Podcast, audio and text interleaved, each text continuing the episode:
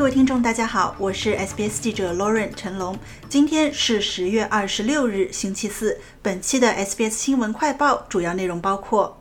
澳美两国领导人在白宫举行双边会谈；以色列决定对加沙进行地面入侵；知名华人换汇服务公司长江换汇被澳大利亚联邦警方突击搜查。澳大利亚总理阿尔巴尼斯和美国总统拜登在白宫举行双边会谈之后，再度重申了他们的外交伙伴关系。两国承诺建立一个创新联盟，深化在太空探索、清洁能源研究和国防等领域的合作。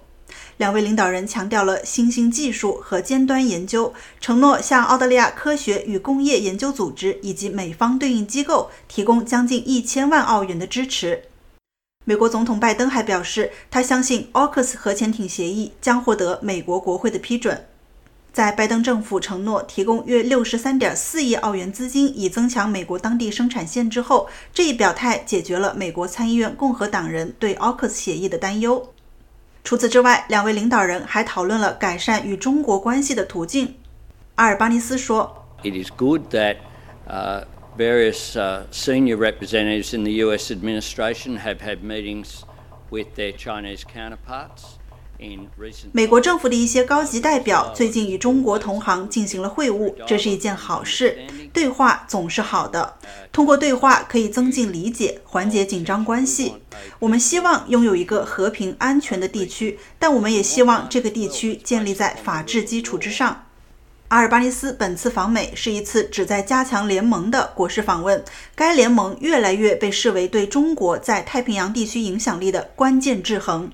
与此同时，阿尔巴尼斯也正致力于维护澳中关系。另一方面，以色列总理内塔尼亚胡表示，以色列正准备对加沙进行地面入侵。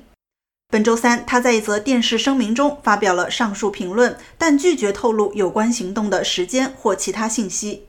内塔尼亚胡表示，何时派遣军队进入由哈马斯控制的巴勒斯坦飞地这一决定将由以色列政府的特别战争内阁作出。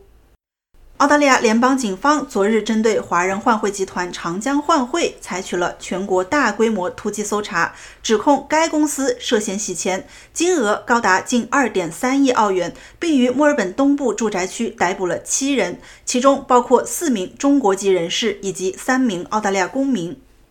长江换汇集团是一间主营私人汇款服务的公司。警方表示，在过去三年，该集团涉嫌一直为犯罪分子清洗黑钱，主要与网络犯罪、毒品走私、加密货币和暴力犯罪等活动有关。警方形容该集团是他们在澳大利亚破获的最重大，同时也是最复杂的洗黑钱集团。据报，长江集团在澳大利亚国内主要司法管辖区共有十二间实体换汇门店。联邦警方指出，该集团尽管看似一间守法的换汇公司，但却在背后涉嫌经营不法勾当。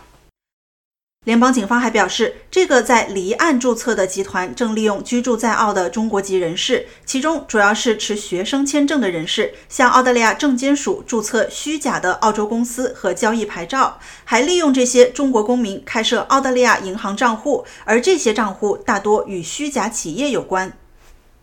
感谢收听本期的 SBS 新闻快报，在任何播客平台搜索 SBS 普通话，点击订阅，开启消息提醒，即可了解澳洲国内外新闻以及社区资讯。